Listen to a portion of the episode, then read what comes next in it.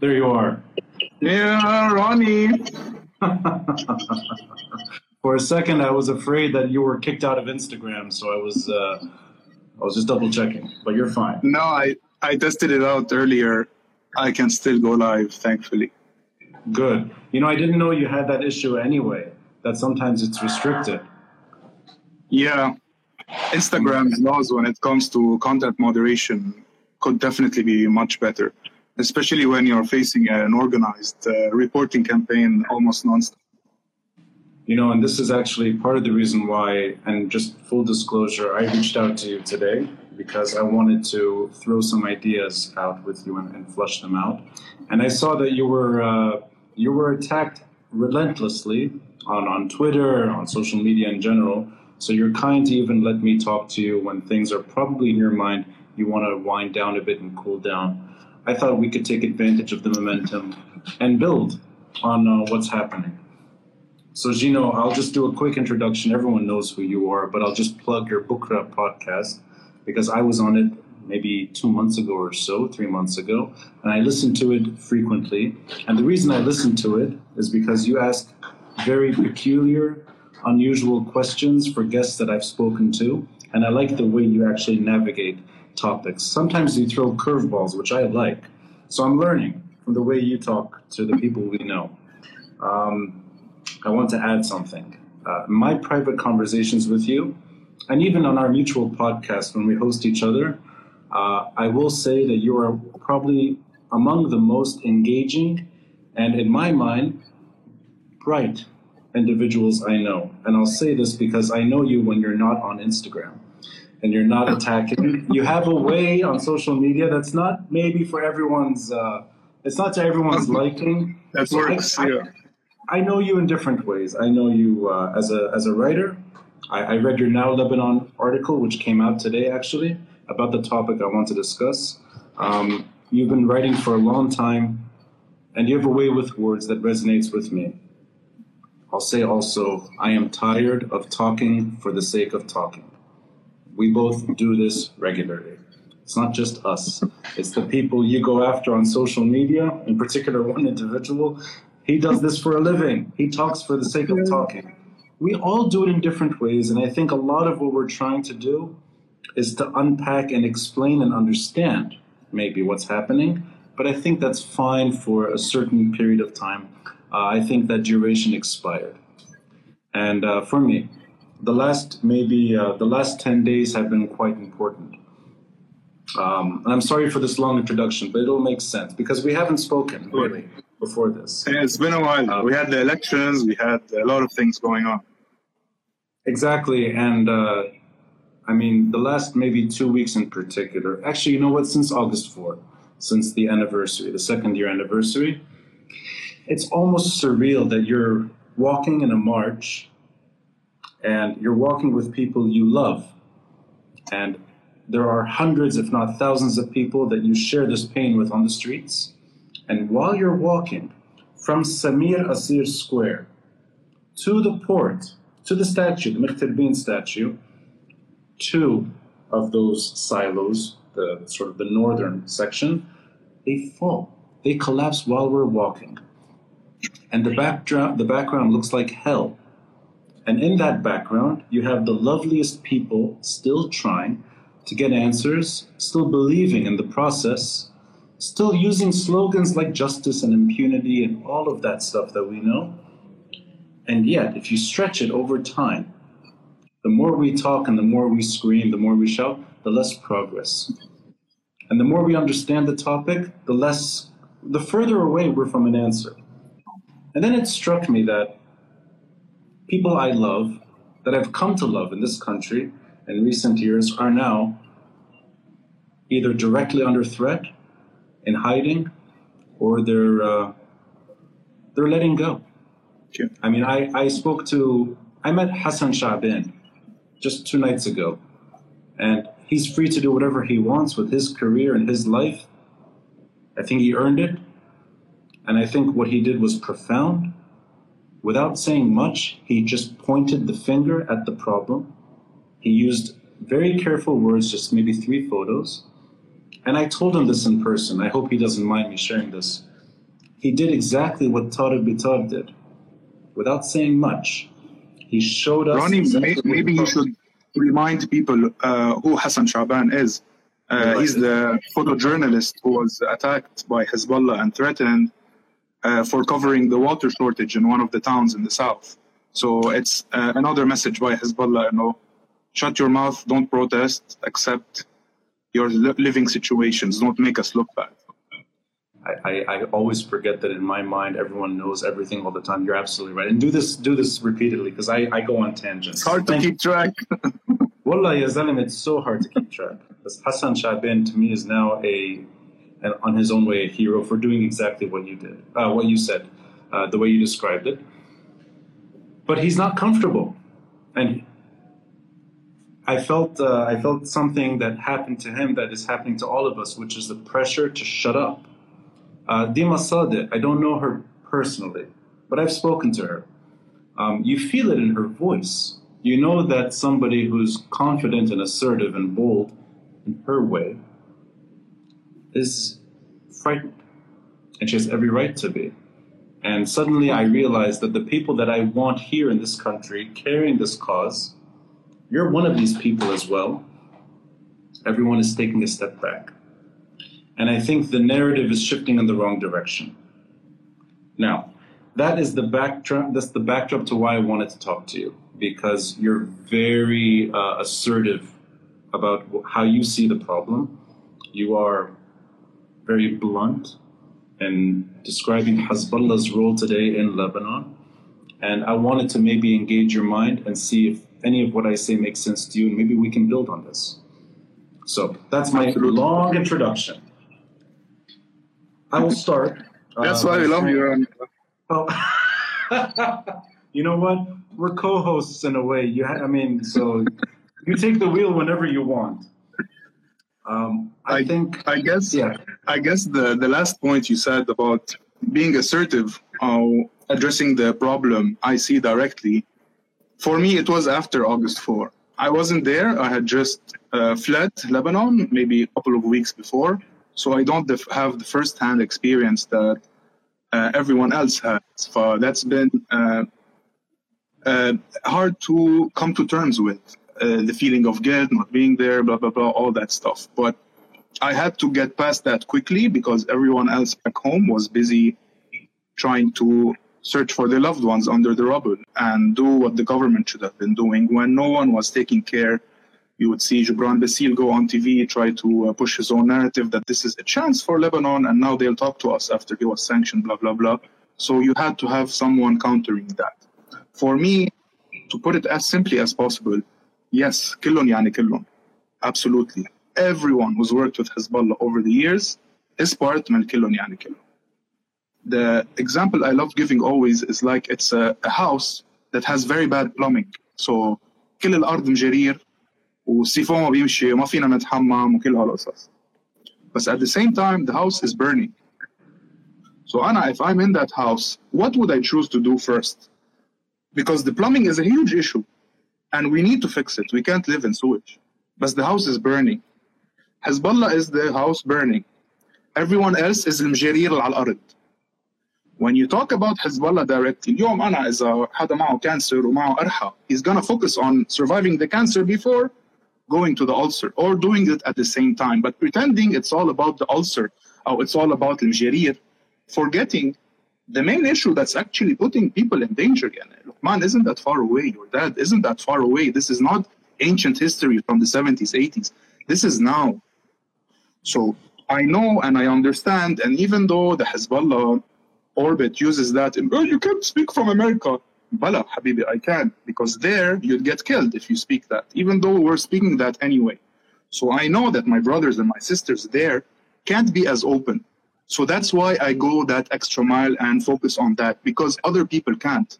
Yeah, and I don't wake up thinking about Hezbollah in the morning and what to do about it But the frustration of everyone pretending انه giving in to the fear انه خلص ما فينا نعمل شيء about Hezbollah let me just uh, do silly things and focus on uh, uh, ignoring the elephant in the room. So I guess that would encapsulate why I'm taking that kind of position, especially after August 4. And it's clear, no matter what the excuses, and now we see them trying to push the narrative of an attack again, of a strike.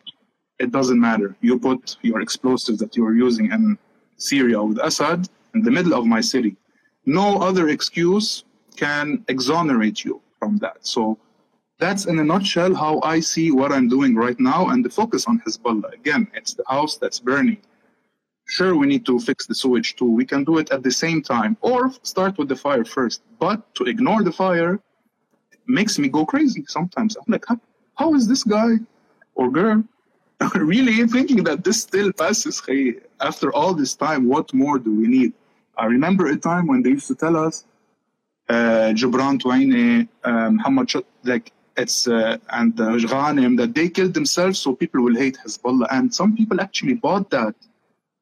But that worked in 2005, 2006, 2007, 2008. Today, the awareness that people have, the answer is so obvious and simple right in front of them, but the fear is stopping them from going. For I'm giving them that small nudge and uh, using the privilege and safety, quote unquote safety. Now we see this week in New York State, the Hezbollah Iranian regime are on a roll this week. So it's uh, reminiscent a bit of, of the Lebanon time, which you didn't expect, you know, uh, moving here in the nutshell.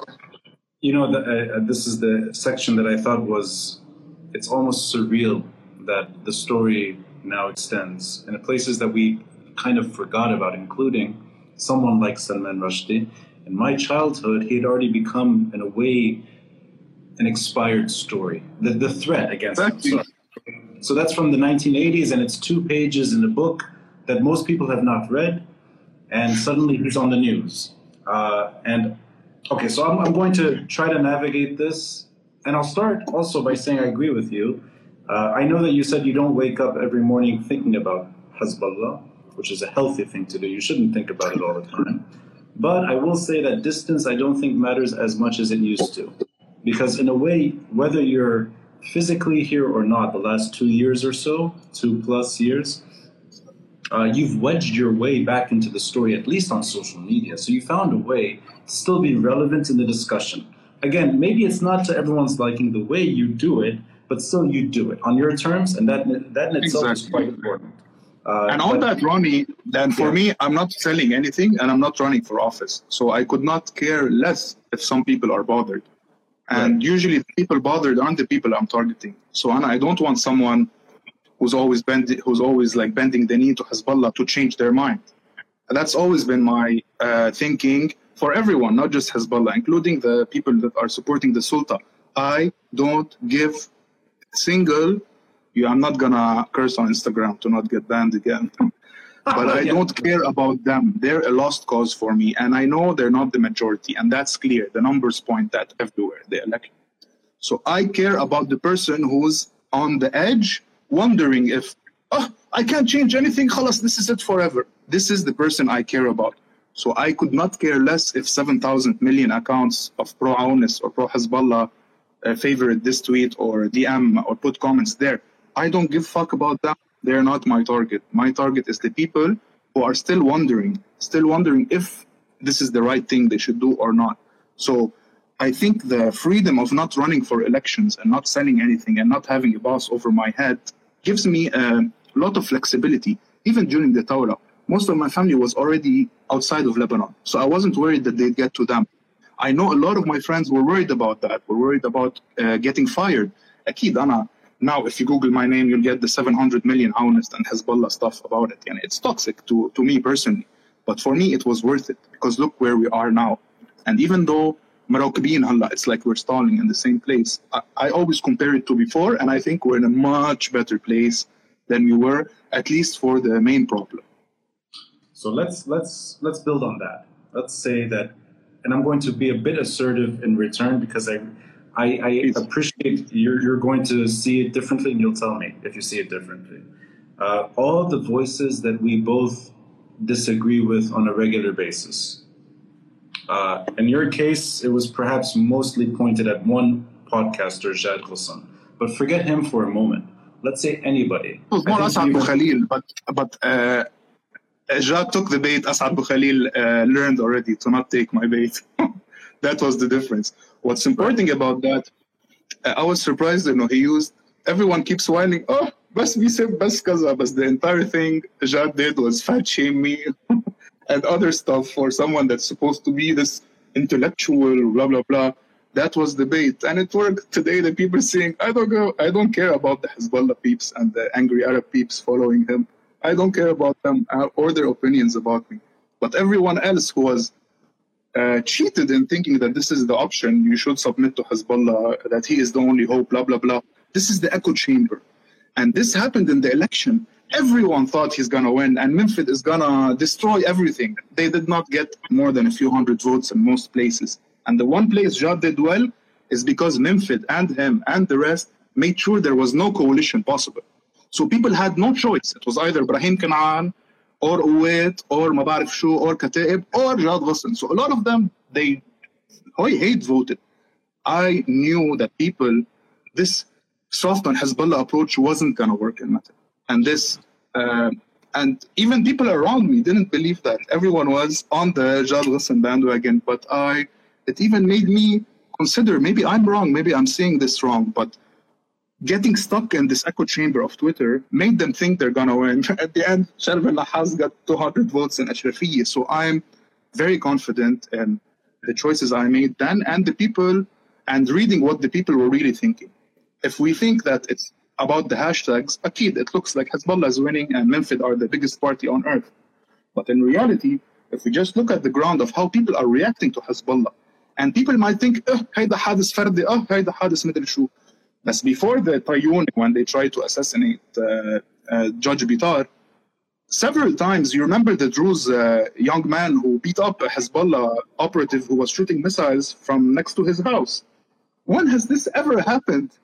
But let, okay, so let's, see, let's, yeah, okay. Let, I'm sorry to interrupt. I'm sorry. I, I just but there's there's something I want to um, I want to share with you a conclusion and see if we can start from there. So everything you said considered, the the back and forth, the debate, the thing that we've lived in, whether it's in social media or in politics, elections, etc. Um, I think these extra voices that both of us disagree with regularly maybe in different ways, but I think both of us, there's a foundation that we that we stand on, and there's a disagreement that we that we fight for. I think, in, in, a, in different ways, but it's the same cause. I think, which is how to move on from this issue. I think the other voices, the way they're describing the problem, I think is a natural circumstance. It's a collateral damage, I think, to Lebanese that have no control over this issue. So whether it's the more eccentrics in academia, and you mentioned one particular man, but there's there's many of them uh, that that try to hypothesize and ideologize, and they have all these lexicon sort of uh, almost like poetic words to describe one sub-state group they're part of it. They have no control. They have no control, period. The podcasters, the TV presenters, even for that matter, those that stand against this issue, those that want to get rid of the problem once and for all, they have no control over it either. So, for example, Hassan Sha'ban doing his job, and I have an angry cat. I'm sorry about that. If you hear him, he's uh, he's just begging for attention. Get rid of him. There we go. Finally, sorry. Hassan Sha'ban, um, he can share this post. He can deliver the message head on, but his influence over curtailing that group's leverage is, I think, 0%. Uh, Dima Sadiq can be very bold on Twitter and share something that most of us would not dare to share on Twitter. Yes, I love Dima. We're, we're old friends, and I I love her. But but it doesn't. We're uh, even called. We were even arrested together, investigated with uh, together. Yes, of course, so, I remember that. I love Dima. But always support her, no matter what. But her her voice included, she has no impact on the way things move. If anything, things are moving in the opposite direction always. Um, let me include myself in this camp everything I talk about all the time, everything I read about, every debate I have, every panel discussion, every private, public, whatever, every tweet, I don't think I have any leverage over what's happening. and on the other side too, from the more intelligent and perhaps more eloquent voices to the more rugged, violent types, I don't think they have control either, and that's a big problem. So all of us, whether we stand against this issue, whether we support it, or for that matter, whether we're gray on the subject, none of us have any agency. And that, I think, is exactly how the landscape evolved.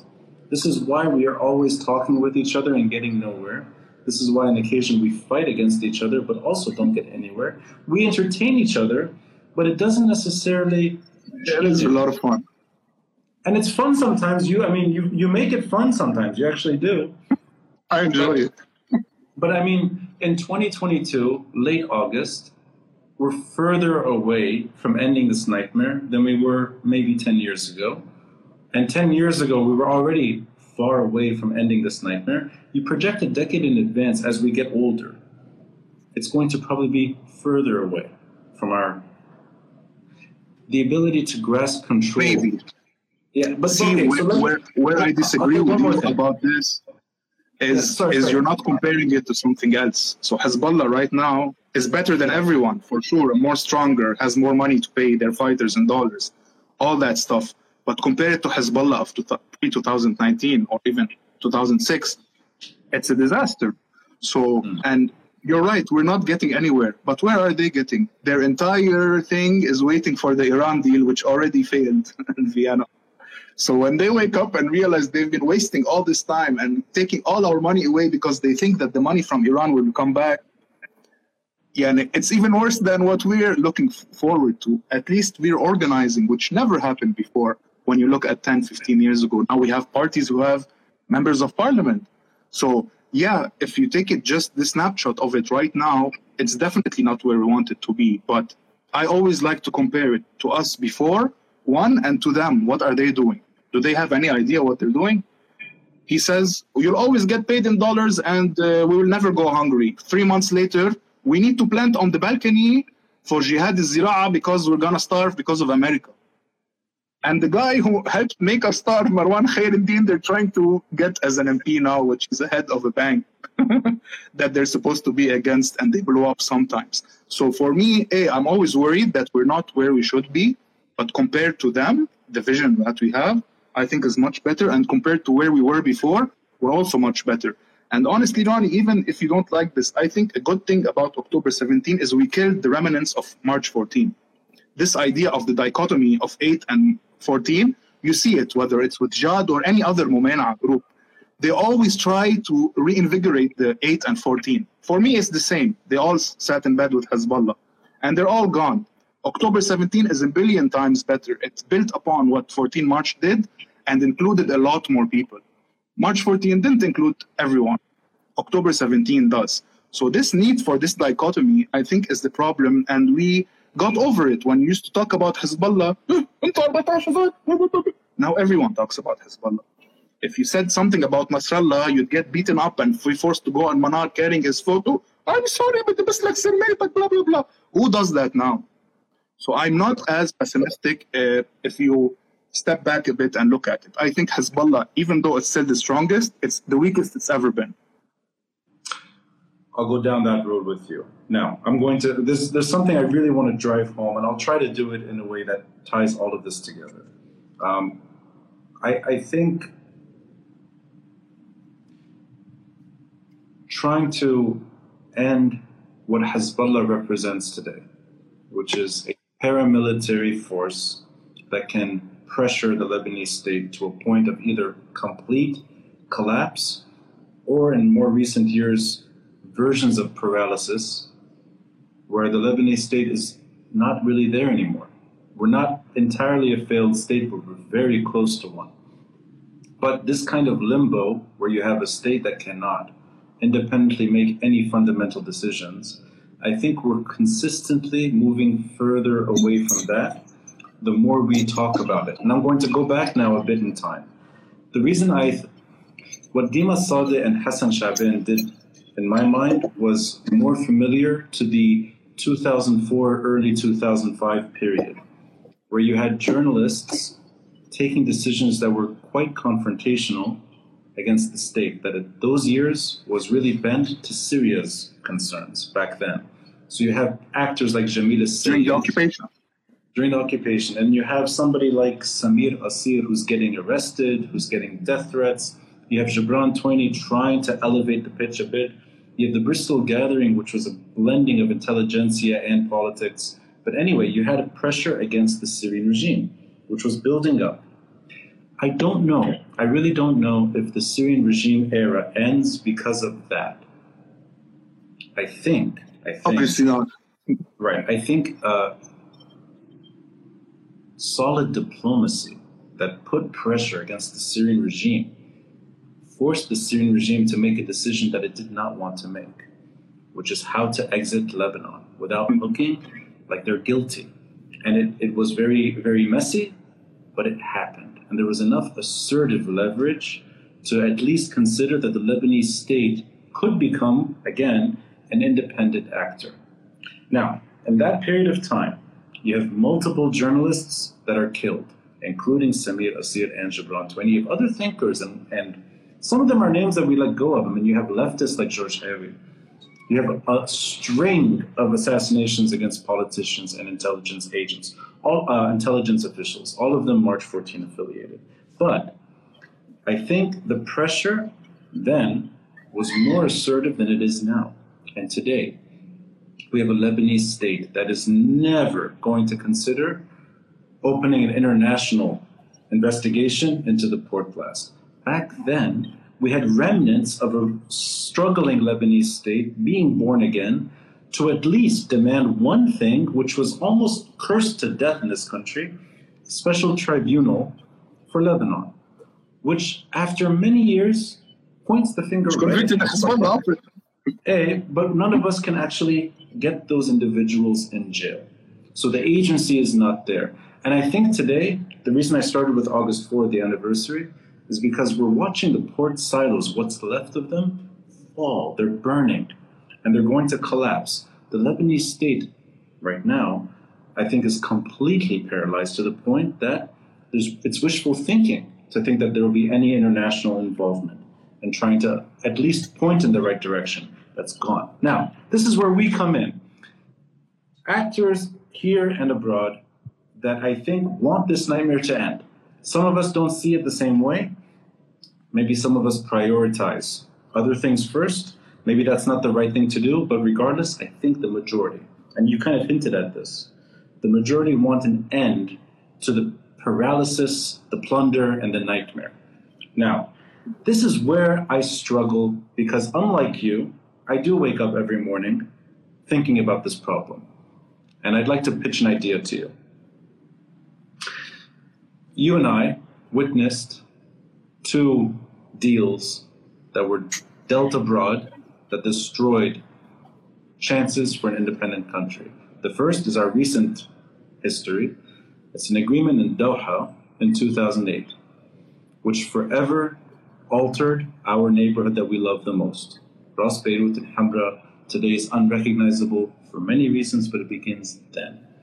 The streets are bloody because of a deal made at Lebanon's expense thereafter, solidifying it, saying that that's going to be the norm. Violence by Hezbollah does create politics, period. It's the biggest blunder to Lebanon's sovereign ambitions.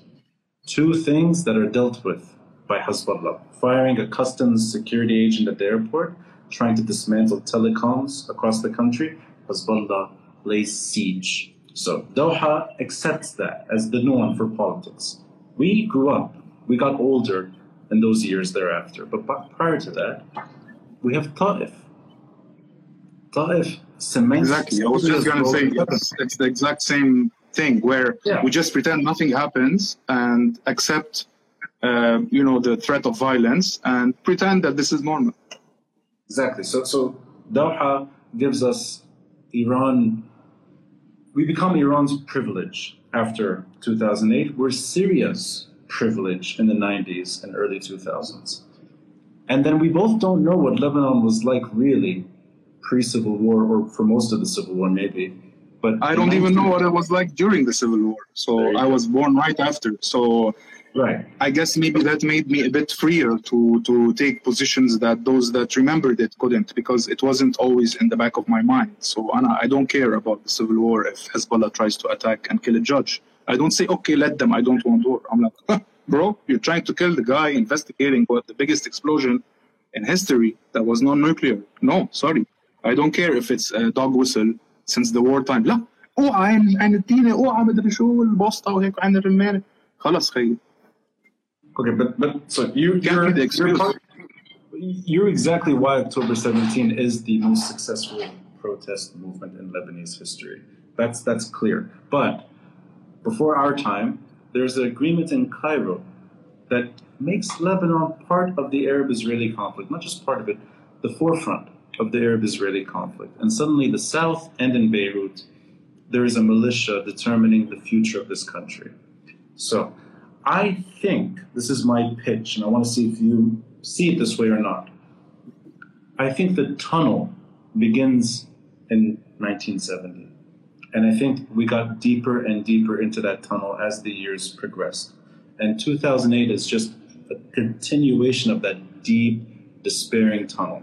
And I think, I think, using diplomacy in a good way, not using diplomacy in a bad way, not a regional settlement that makes Lebanon worse, but rather one that ends the nightmare, one that builds on Lebanese lost independence and lost agency.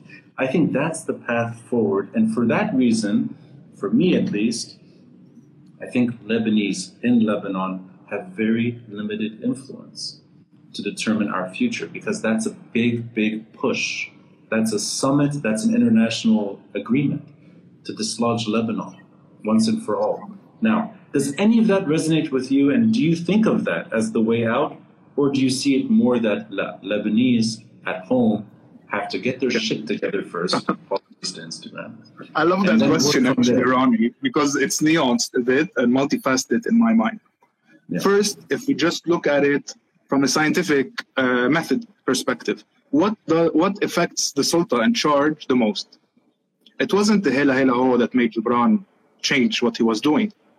It was sanctions by the United States Treasury Department. Whether we, no matter what he says, this is it. So, partly the diplomacy and uh, you know thinking about what the West can do is definitely effective.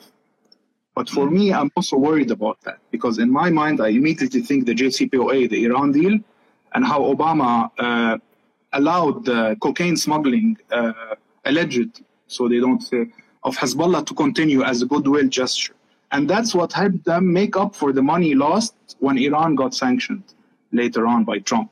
So this smuggling business, is what keeps them afloat, why they're still paying part of their fighters in dollars.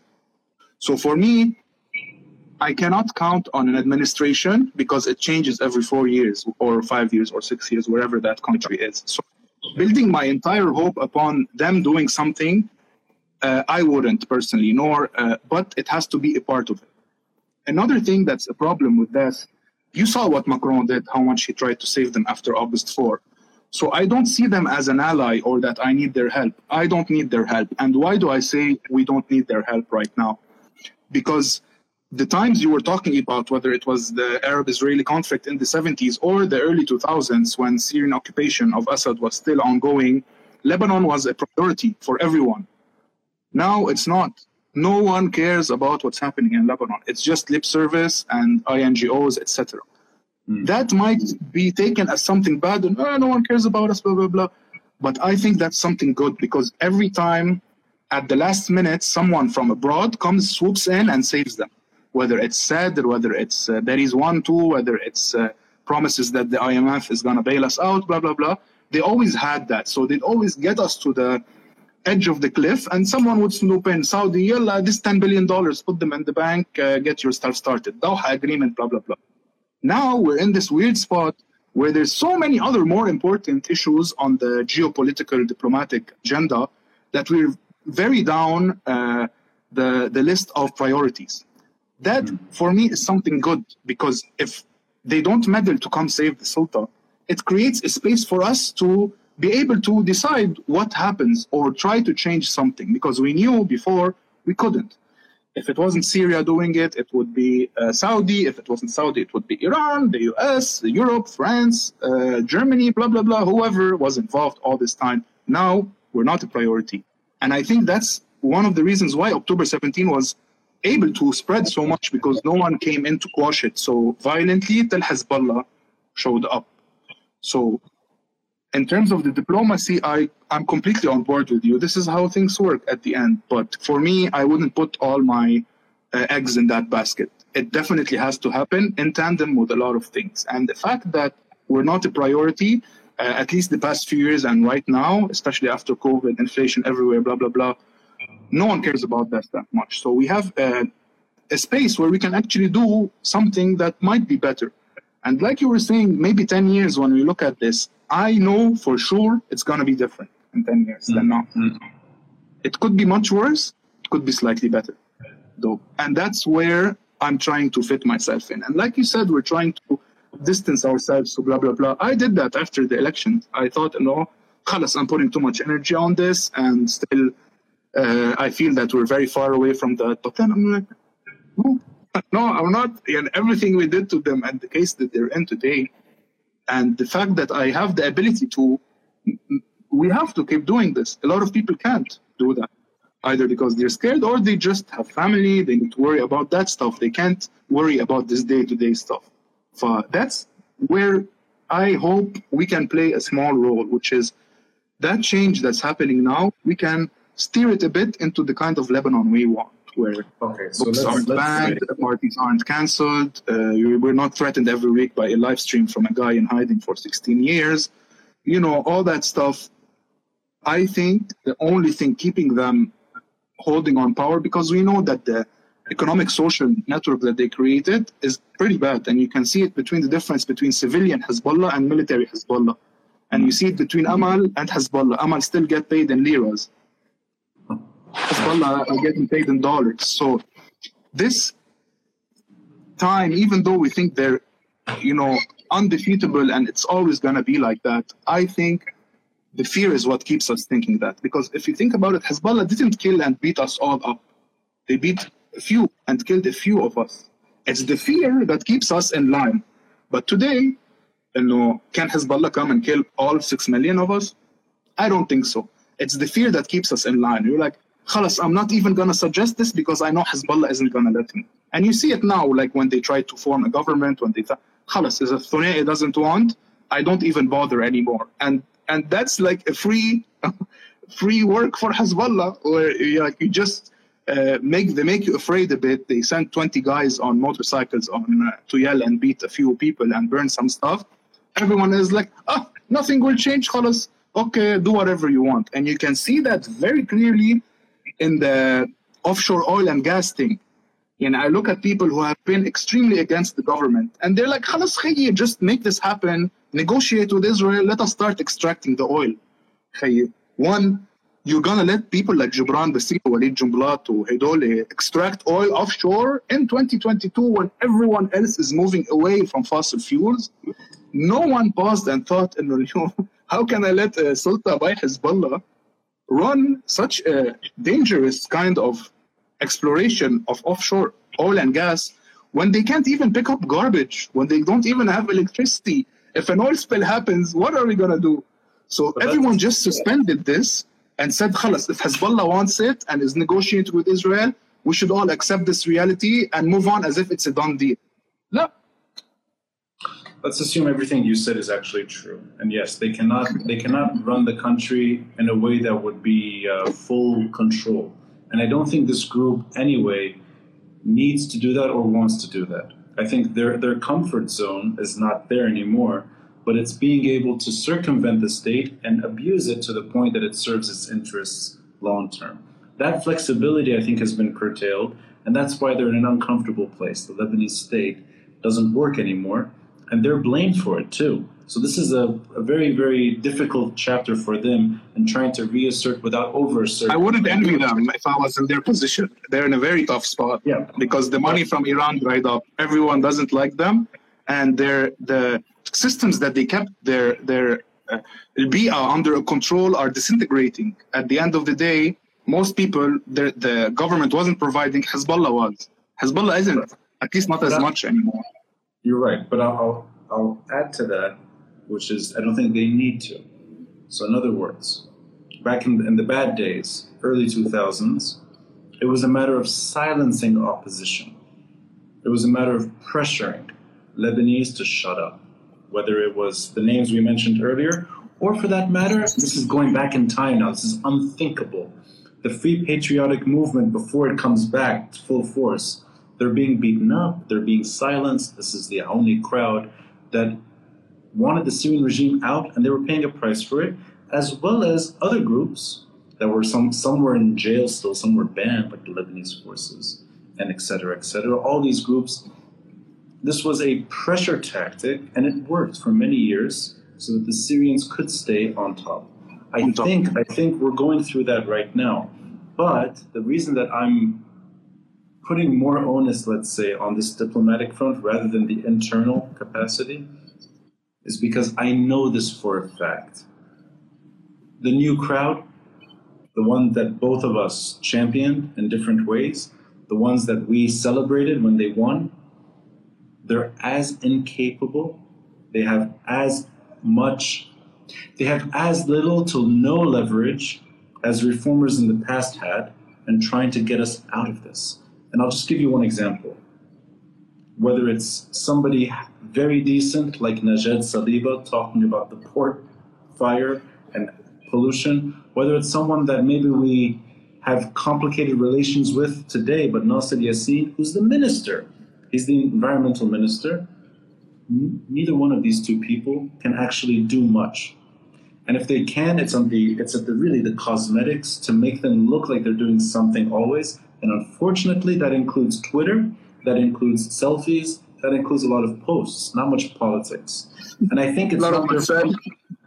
And it's not their fault. I don't think they. I think they would want to do more and they can't.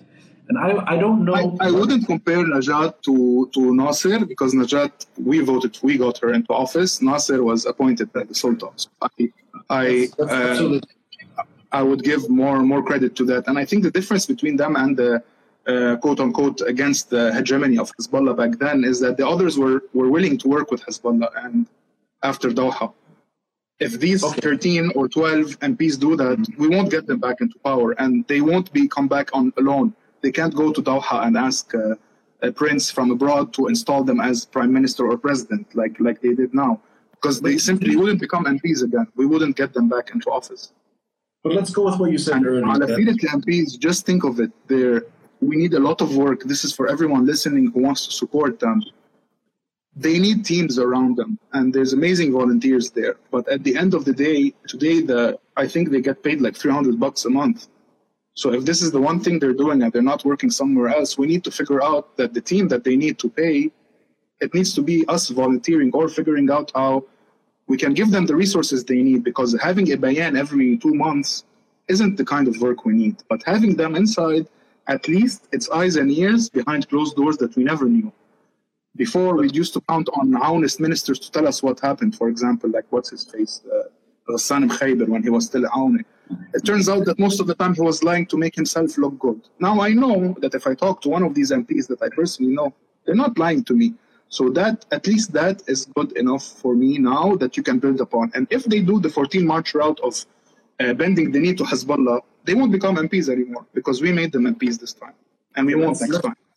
Let, let's say the stuff you said earlier. Let's say let's go with that, saying that Lebanon is not a priority to anyone except Iran, and let's assume also that we kind of agree to it that diplomacy is at the end of the day going to be a, a big part of how to dislodge Lebanon from ever having this problem again in its future.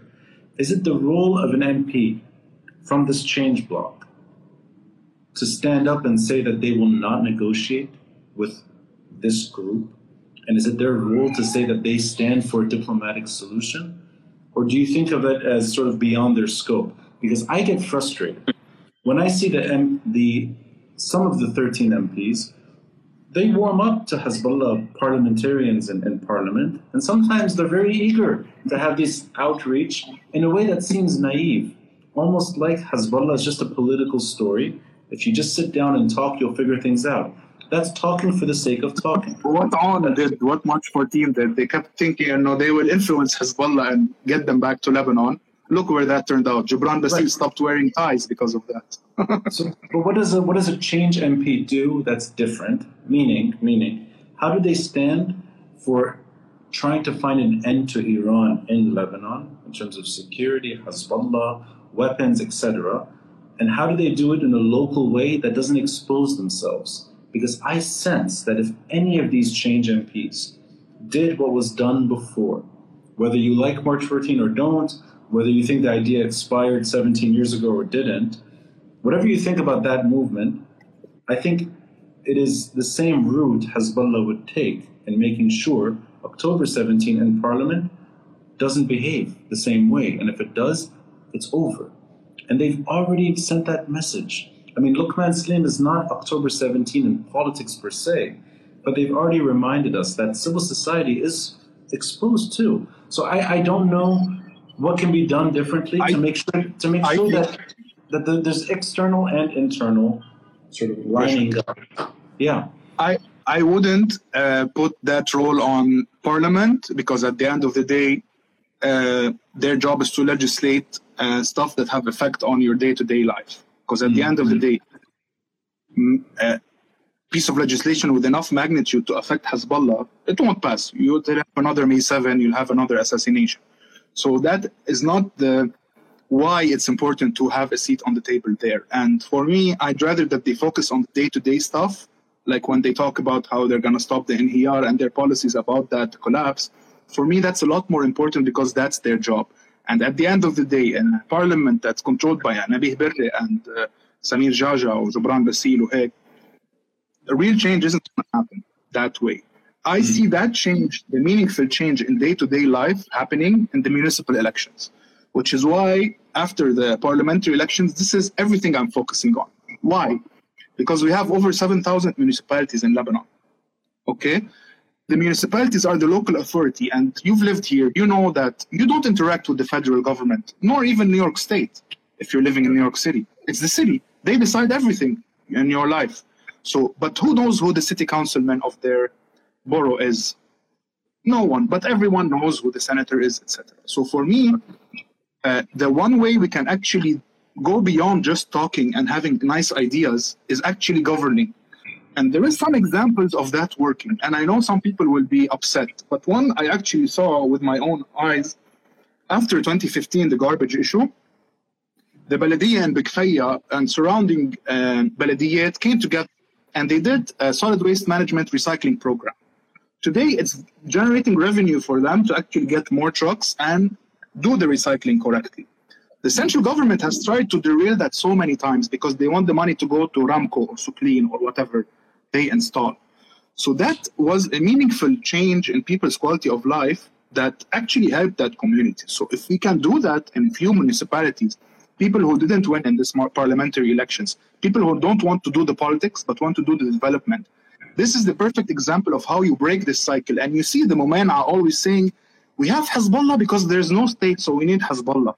How do you make a state? We're not going to win 128 MPs ever. There's people directly benefiting from the Sultan. And whether we like it or not, there's over 350,000 public employees with their uh, spouses and their children. That's at least a quarter of the country that will never leave the Sultan no matter what because their livelihood depends on it. But if a town controlled by Hizb or Awniyya or Uwait, they're paying Ramco, there's still garbage in the streets, they don't have electricity, they didn't organize like uh, creating solar farms paired up with uh, diesel gensets to make up the power that isn't given. We can do this. We can do all of that in a municipality. And what's gonna what's the central government under Hezbollah gonna do if you do a solar farm and are able to provide 24/7 electricity with, of course, uh, like a diesel genset or something temporarily? Are they gonna come stop you from getting electricity? I'd love to see them come and try to do that. Uh, which town would let some uh, or uh, army or intelligence come in and unplug their electricity because Zaim مش So I think the parliamentary elections was great because it showed we exist and we are a sizable enough one. We got the most aswat tafdiliye in the country if you take each party of them alone. So we do exist. And based on that, because you know the problem with the elections, it was so hard to make coalition because everyone thinks they're the best and everyone loves them. And we gave the example about Memphis. But in reality, that didn't become a reality. Now we have the numbers. I know that Rani can get this much in Beirut.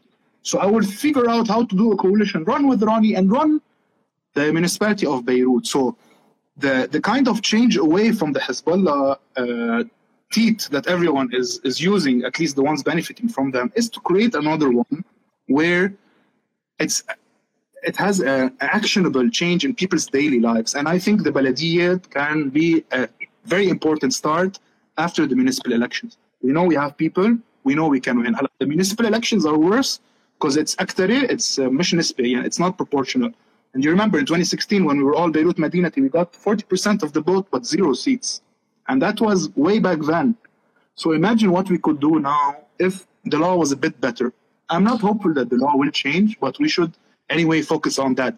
If you get a few belediyat and you do a union between them, if they're close enough, you can actually govern no matter what Hezbollah or Aoun or Bassil or any of the Sulta has to say about it. Okay, uh, that's a I think. No, I'm, it's always an important uh, component, and I sometimes I kind of I leave it to the side unintentionally, which is how. I think all of us do. That's why yeah, I'm talking yeah. about it a bit because people yeah. don't notice, and it's easier to get to a municipal chief. How can you get to a wazir with 700 bodyguards and uh, tinted windows? But the guy who's going to be in the baladi, if he's not your relative, he's your neighbor, and you're going to see him when you go to church or the restaurant or the mosque. So he can't, he won't screw you over as much as a minister. Whereas if a minister is aouni, when he comes, he will only benefit the people around him and screw over everyone else. And Hizb and Uwait, all of them did that every time. Because a wazir's job is to get to the central government and try to take as much money from it as they can, like Hamad Hassan and uh, Hezbollah did when after Iran stopped sending the money. Suddenly they want the the Ministry of Health, and I wrote a huge report about how uh, they mismanaged money to funnel it to them a day after the August 4 blast. August 5, they tripled Hezbollah's hospitals uh, budgets and they kept the budgets of Roum, AUBMC, and Geitawi, which were actually damaged by the blast, the same. We were all too busy picking up the shards. Everyone was too busy doing that to notice. So, لا خي ما بعرف I think انه yeah. Let me go. Let me go to the top, and then we can jump deep into the municipality thing because it's a way to kind of show how to how to confront a huge problem at a very local level. Let me give you an analogy. Um, 17 years of prime ministers that came in and out. Saad Hariri more or less defined 2005 until 2020, but there were others. There's Najib Mikati, there's Hassan Diab, there's Tammam Salam, there's the spare the spare tire of Hezbollah. That's what I call it. Mm. Yeah, yeah, Whenever they're in a, in a jam, Mikati, every time. 2000 after Hariri's assassination.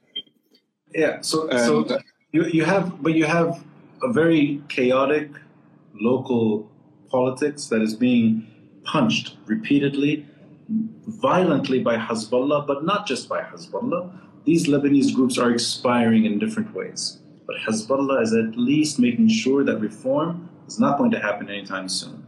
In that story, there's one thing that I think is will be deemed a victory later, which is we were able to take the story of political assassinations, even when they kept happening, even if even if the numbers increased exponentially. The subject, that that thing, there was an investigation where the geography of the court and the verdict is issued away from us. We have a special tribunal that does not collapse when Saad Hariri collapses in Lebanon. And actually, even when Hezbollah is making it clear they will not tolerate the verdict, they will not assist in the verdict, and actually, if anything is done against them, they will react violently. Even when that's happening, the, tri- the tribunal is immune.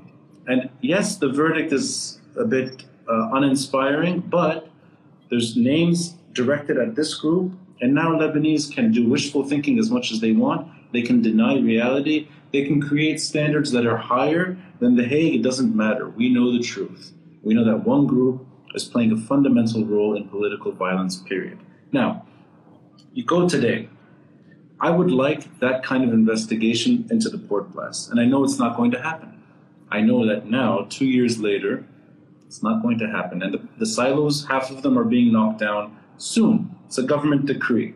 The southern silos will stay up as long as they can. Even last. even the ones that at sabotage, it's clear. Yeah, Right. So, but this is The happening two years after the blast. It's now, I think, taken for granted there won't be an international investigation. Is there a way to actually put pressure against that tide through what you're describing? Because I don't see it happening. Even at the very local level, which you eloquently just expressed, the desire to start on the ground level and hold people to account at the ground level. I think that doesn't solve that bigger issue. I think it actually just, in a way, it may offer some short term respite in a very local way. But I think Lebanon as a state is still falling apart, it's still collapsing. So, I mean, can you add to that maybe? Yeah. my my opinion on the port investigation, I know is not going to be very popular with people listening and friends and everything. I didn't think it would ever work from day one because Mm. I like to look at precedent, at how things normally work. When has a court actually ever done a proper investigation into something?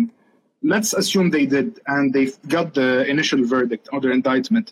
Who is gonna implement it? Bassam Mawlawi or uh, what's his face, uh, the other guy, Osman? Or the who's gonna implement it? So for me, I know justice doesn't mean that Michel Aoun or Rais Luzar or whoever it will be or whatever, they're gonna actually do a verdict and it's nice. What's interesting about Tariq Bitar is he is unexpected. We did not think a judge with spine that would stand in front of Hezbollah trying to literally openly saying, I'm going to go eh, approach you from, from the ground. It was a kind of surprise. And for me, I'm like, why is this guy doing that? I was always skeptical about it. So for mm-hmm. me, I'm past that. I think, like I said initially, that thousands of tons of explosives, we know who it was for. That's the most important thing for me Everyone who tries to say, خلص هي من سنتين وما بيهمني أنا, that's why you need to keep reminding them. Arba Ab has to be like a huge rock on Hezbollah's and the Sulta's chest. We need to always keep pivoting back to that. It can't be uh, only the كلهم يعني كلهم 17 تشرين etc. We used that momentum already. Now we have something that unifies everyone because even people who weren't with the Thawra got died and their homes exploded. At fit, and even if they rebuilt their homes or blah blah blah, and they're like, okay, I'm fine with that. At the end of the day, this broke this this this trust that you had with them. So for me, uh, rallying thing to rally around more is August 4 because of everything it represents. Because it is Hezbollah's explosives, but everyone else knew they were there and did nothing. So that's not saying that everyone else wasn't involved. But like everything, if you're an accessory to murder, it's not like you're the murderer. The murderer is still the murderer. But being an accessory is still as bad. So for me, I'm sad to say I never expected an actual investigation, an actual verdict, an actual justice happening in the and the stuff we see on TV, like a judge ordering and someone going to jail. That's not going to happen in Lebanon. We know that. Uh, during the civil war, a lot worse things happened, and no one got in trouble for it. Even after the war, no. So my bet isn't about you know uh, betting on Bitar and he will get everything right, but it's reminding people why this explosion happened, why, with everything that was already going on, the collapse, the pandemic, someone put a nuclear bomb three, four meters away from where we live, where we go out, where we study, where etc. And two days later, Nasrallah was on TV laughing and uh, smirking every time he says something, one of his snide jokes. So for me, that is the justice. People understanding what being so compliant and obedient to Hezbollah, where it leads us. Where has it ever led us to something good? But but okay, so I'm going to throw an, another comparison. I think the the way you're describing it, the reminder, without without uh, a process, without an investigation that is solid, without a verdict, I think this is a guess. Uh, had there been no international push to hold either the Syrian regime to account, or for that matter, Iran to a degree, in terms of at least showing that Hezbollah is involved, Um, I think the Hariri assassination two years after would have been exactly like what we're talking about right now, which is Lebanese are kind of aware of who did it to a degree. We accept it. Less Even so back then. Remember, less so. Now people, it's so it's so undeniable now. Back then, a lot of people were like, no, maybe it's not them. Right, but I mean, in terms of being able to move things in a better direction, I think it would have been worse without that kind of tribunal, at least giving us the solid proof. This time around, maybe we're more accepting to reality. Maybe most Lebanese today have woken up to realize that Iran does have a very important, damaging role in this country. At the same time, I don't think. Uh,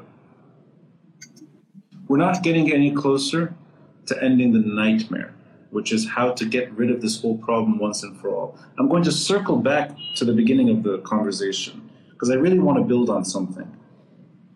People like us, anyone, anyone that's living here or living abroad, with all of what we said combined, how do Lebanese reclaim the state when it's so overwhelmed by an external state?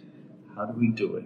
Persuasion, I think, is what both of us live through, meaning we're trying to engage and maybe if we're lucky, get some confused voices to be more confused or undecided voices to decide that maybe, maybe we're right. Um, but that doesn't really steer things in a better direction. We kind of said that already. Do you imagine a scenario where all of what we said right now becomes part of Lebanese politics. So, for example, Lebanese that have credibility in politics in this country are calling on diplomatic action to get Iran's security to end in Lebanon. And Lebanese citizens are focusing on local elections, municipal elections, so that they can weather the storm better. And the change MPs are not negotiating with, and you mentioned it, not negotiating with Hezbollah because they're adamantly unwilling to repeat mistakes made by the March 14 coalition. Is that something? And they're scared of their voters at the end of the day. And uh, we're not, Do you see- October 17 voters aren't as docile as March 14, where I can tell them, okay, we are against Syrian hegemony, then five weeks later, running in elections with Nabih Berri and Hassan Nasrallah. So I, I think we don't give people credit enough for actually noticing this stuff. And I think that's why they're not as ready to go into the arms of Nasrallah so easily. But that doesn't mean, you know, just protesting inside. At the end of the mm-hmm. day, Hezbollah has MPs. So you need, you need to sit in that same place, given un- under these rules of the parliament. But Mm. doing that uh, out of that institution was the problem of the rest, I think. And today, if they're in the legionary with Hezbollah, no, I didn't vote for them to go protest inside the parliament. That's not why I want them to be MPs. I want MPs because all the others are extremely stupid and incompetent and just get on WhatsApp what to vote and what to do. These guys, at least, you can have a back and forth with them. If they had an idea that what didn't work out, I mean, we see that sometimes.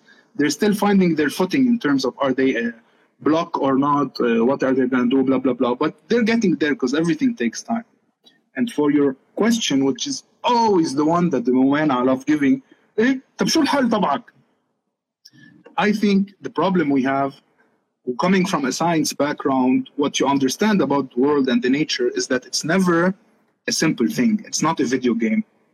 There isn't a very clear set path, and if you finish every level, you'll get to the final boss. Life doesn't work like that. Just like you know, I don't like mosquitoes, but if I remove them from the entire ecosystem, it's all, it'll all collapse because they all need each other for a million different ways. A lot of the things we were talked about today can implement in شو الحل تبعك لحزب الله.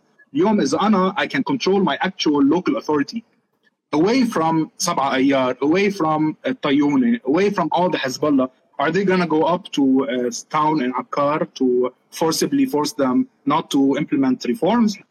I doubt it. I don't think so. And you see that from who they target with their violence. So it's always the Sadeh, uh, other Abaisi. It's always what they think is their be exclusive to them versus others.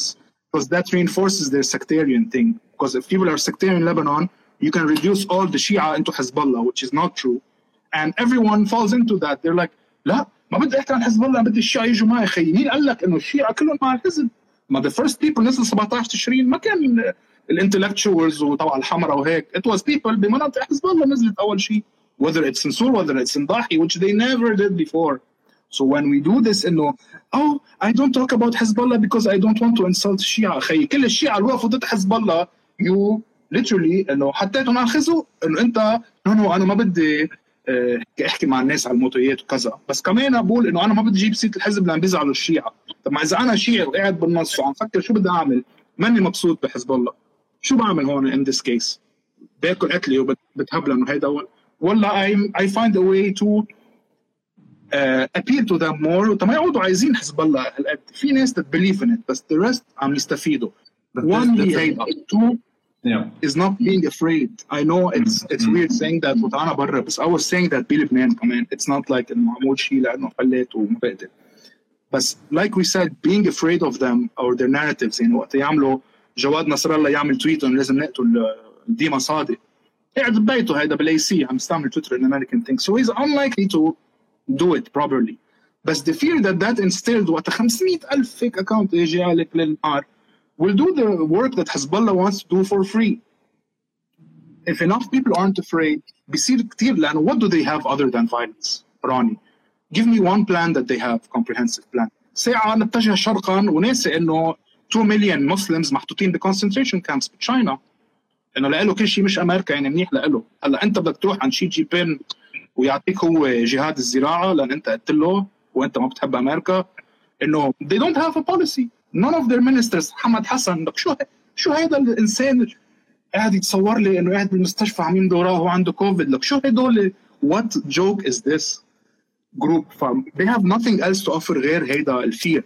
إنه إذا ما عملتوا هيك بيجي الصحصوح عليك ننزل نحرق القبضة بنخبط يلي قاعدين عم يحكوا مثل لقمان سليم وكذا وقت كانوا بالعزريه ينزلوا يحكوا ينزلوا عليهم الشباب. Other than that what do they have وشوية مساعد But there's one problem. In this whole whole disaster. There's one problem. Even before the elections, we know it's not true. All of these slogans of these political parties that have answers, that they're going to find a way to disarm the last militia, they're going to reclaim our independence all over the highway. Sovereignty, sovereignty, sovereignty. From the usual suspects and from some of the new MPs as well. So there's that empty rhetoric, which for me is a bad thing because it gives the other team an excuse that these there's no policy towards this group. and they need it they need it think Yeah, of it but- but- but West this is didn't run against Hezbollah in any any district, but they both use the rhetoric against each other for their own base. So today, I'm not as extreme against Hezbollah as Fares Souaid or whatever. But when Fares Souaid talks, it's for his people who might vote for him, not overall. so it's but- like uh, extremist, you know, just to, for you, not to actually fix. Yeah, but I want to I want to ignore all of those voices, know that they stand for nothing today, and I want to build on policy. So let, let me just and I'll wrap it up with this kind of topic because I really I want to figure a way that engages both both the external needs that Lebanon desperately needs and the internal voices that have not maybe messaged this the right way. How do you get a diplomatic end to Iran in Lebanon? Is it require Lebanese voices in Lebanon to make this their cause? Do you imagine a situation where Lebanese come together and say, This is it, this is what we have in front of us? If we don't get there, it's over? Do, do you imagine, uh, is it civil society? Is it, is it po- politicians from all parties that wake up to this? Is it daring intelligentsia? Is it journalists? where does it come from in Lebanon? Because it's not, it's never going to happen that other countries simply want to do Lebanon a, a, a favor. A favor. Yeah, that's that's never going to happen. But I don't want deals in cities that do disservice again and again and again. How do you make it so that Lebanese get what they need once and for all? I, I don't know the answer. All I know is maybe I, no one does. Honestly, no one does. And if they do, they're lying because this is unprecedented and you can't really extrapolate from it. Hmm. But I think it's all the stuff that you mentioned, whether it's people that had bent the knee to Hezbollah realizing they, they didn't, whether it's journalists exposing them. So a lot of the stuff we found out about where the explosives came from and how they were smuggled was by investigative journalists. It wasn't by Tariq Bitar. It wasn't by politicians who talk rhetoric. It was uh, journalists pounding the pavement. And some of them aren't even that against Hezbollah, but that's where the evidence post, they, of course, they didn't say Hezbollah directly, but they linked it to the Assad regime and people that uh, they wanted to give Lebanese nationalities the sulta to try to avoid sanctions. So all of those need to happen. But the idea that, and I love when the people, إيه طب شو الحل تبعك؟ As if that's انه مثل انه جيبك جوره انه ايه انت ما عندك حل. As if هن عندهم any of them حل one. وتو let's consider uh, the other toxic thing that they all do إنه أنت ليش بتكبوا لحزب الله بالبحر؟ ما هن لبنانيه كمان. Whoever said that? Whoever said أنا بدي أقتلهم وحاربهم وكذا؟ مين اللي عم يموت ويتحارب كل وقت؟ It's the people اللي منهم مع حزب الله مش حزب الله، حزب الله عم يموتوا لأن عم يحاربوا مع الأسد. آه، بسوريا ما عم يموتوا لأن نحن عم نقتلهم. سو هيدا الريتوريك إنه هو دائما مستضعف وكل الناس ومؤامرة وكلهم جايين علينا is not true نحن ما بدنا نلغي الحزب ولا الناس اللي معه. No one ever did that. هيدا مثل اللي بيجي بيقول لك all lives matter بدل black lives matter. They're putting a word there that isn't اللي هي only black lives matter. I'm giving a small example عن هدول. سو اليوم هيدا اللي بيجي بيقول لك من الأول أنا ما بدي أحكي عن حزب الله لأنه ما بدي أقتلهم. يا أخي مين بدي اقتلهم ما هن عم يقتلوا فيك. That's not the thing. بس أنا اليوم ما بدي حزب الله يضل داعس على رقبتي. خي هو بده يعمل هو بيآمن بالخميني وخمانئي ومدري شو. اقعد عندك بالبيت خيي وانت لحالك اعمل شو ما بدك أنا ما الي معك. بس تيطلع محمد رعد كل يومين ثلاثة يقول لي ما بدنا ملاهي ليلية ببيروت. هيدا مش ثقافة المقاومة والممانعة. لك مين انت تتقرر يا حبيبي؟ شو خصك انت؟ أنا ما رح اجبرك تصير واعي ومنفتح ومتطور. بس انت تقرر عني هيدا ذات نيدز تو ستوب حزب الله رح يضل والناس بيحبوا حزب الله رح تضل. ما فيها تضل على رقبتنا واليوم من الآخر السانكشنز اللي عليهم. وقد إيه مصاري صرفوا بسوريا وبالعراق. وما نجي بقى من إيران وكذا. They're not in a place where this is sustainable for them this chokehold that they have. كيف بدنا نحن نخلق another way to actually provide هدول البيسك necessities للناس؟ هون وين بيجي الريل تيست تبعنا إذا بدك أو how we need to focus on this policy. وكثير بيحبوا جماعة المؤمنه يقول لك إيه ما في دولة سو ما عليه حزب الله.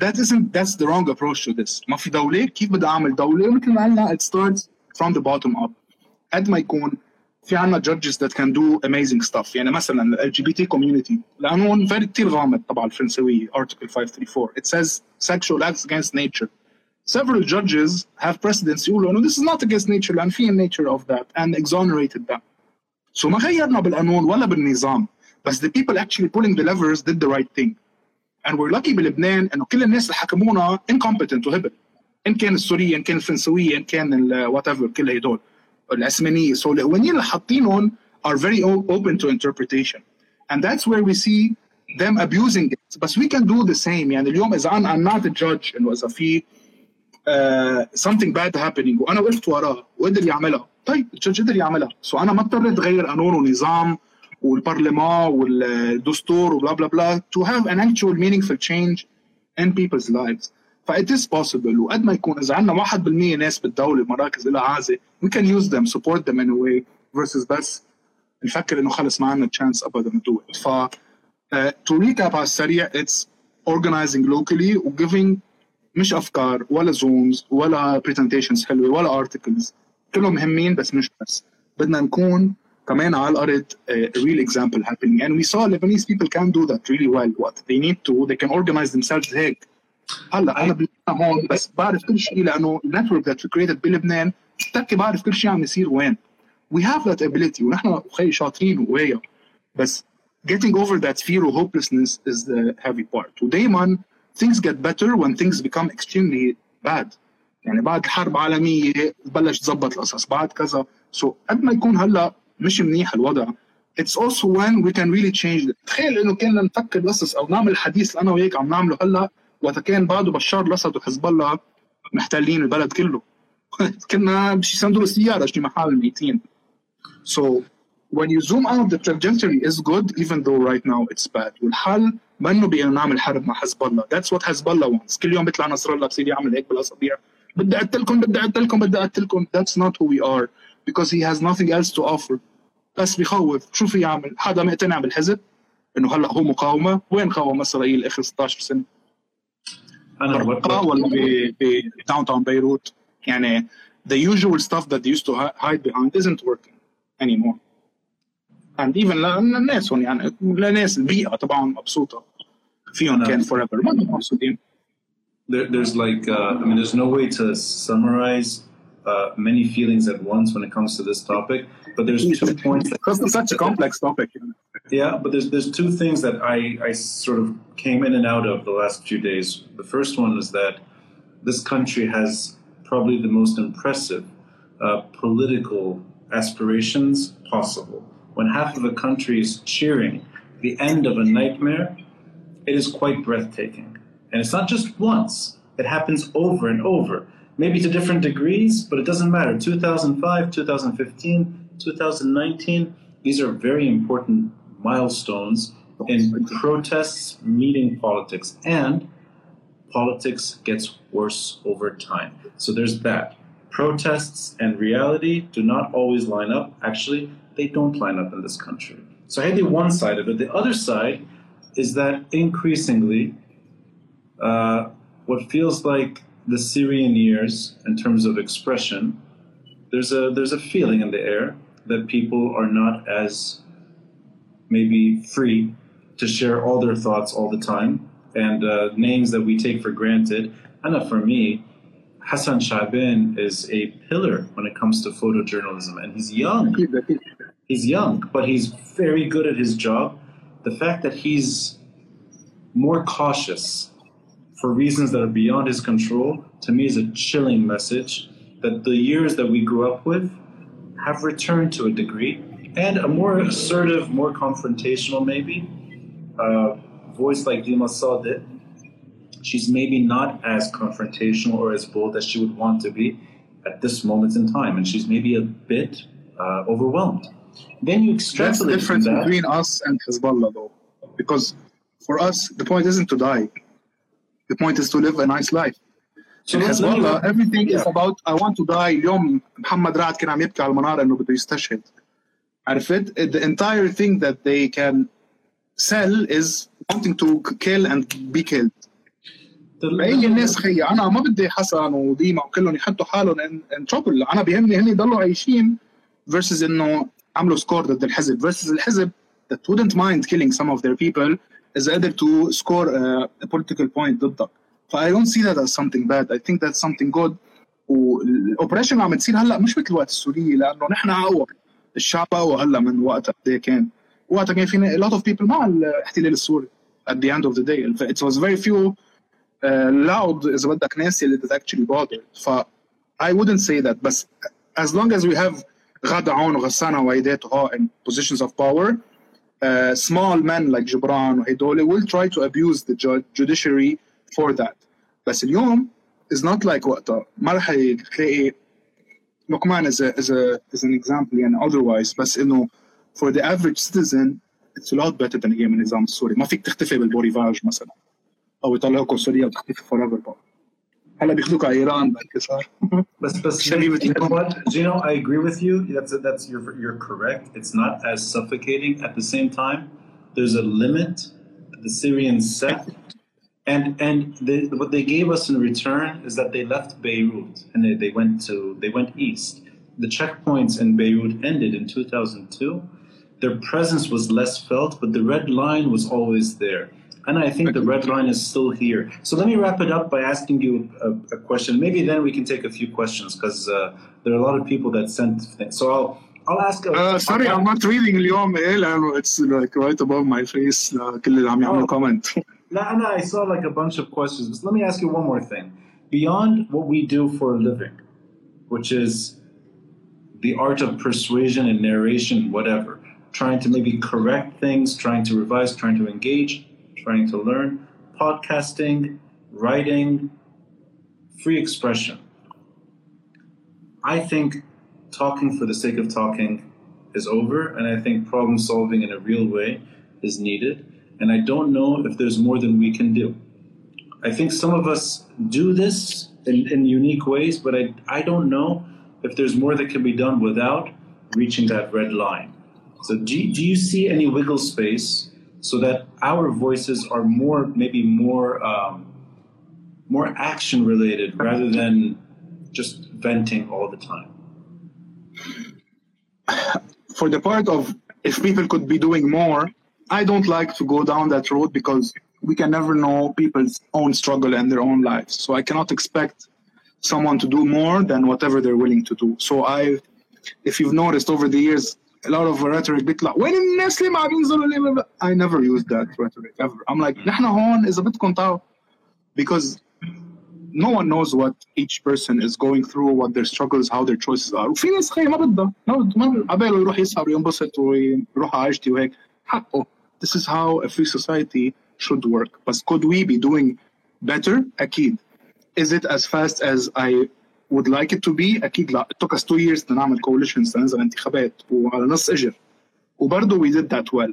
Imagine إذا كل السابوتاج جربوا يعملوا الممانعة ل this attempt وبقايا 14 قصدي وكلهم يعني كاتب imagine if that didn't happen how much better we would have been prepared for the elections and despite that we exceeded all expectations so could we do better 3000 مليون بالمية we can بس ما بدنا نفكر نسيت مين قال لي صار لي يومين عم جرب اتذكر بس they told me something كثير حبيتها انه اليوم عندك سلوجن مثل نايكي just do it اوكي بس نايكي بس تعمل بوت ما بي ما بيقول جاست دو ات بيعمل بوت بيجيبوا تيم كيميكال انجينيرز بيجيبوا اركتكتس بيجيبوا اندستريال ديزاينرز بيجيبوا حكمه كل شيء. Actually design this. So they didn't just do it.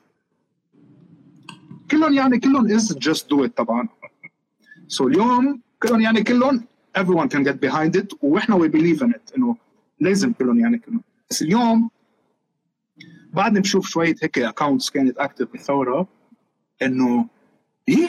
ليه ما جبت سيرة وئام وهاب كمان؟ كون أنا عم بحكي عن شيء له علاقة مثلا بين الحزب والعونية إنه ذس نيد إنه كيف ما ذكرت هيدا؟ ليش ما قلت كتائب هون؟ ما بال 1808 This is not what the reality is اليوم، اليوم أنا ما ما حدا خايفين الكتائب يقتلوه ببيته مثل بالايتيز، اليوم خايفين من الحزب to do that and they are.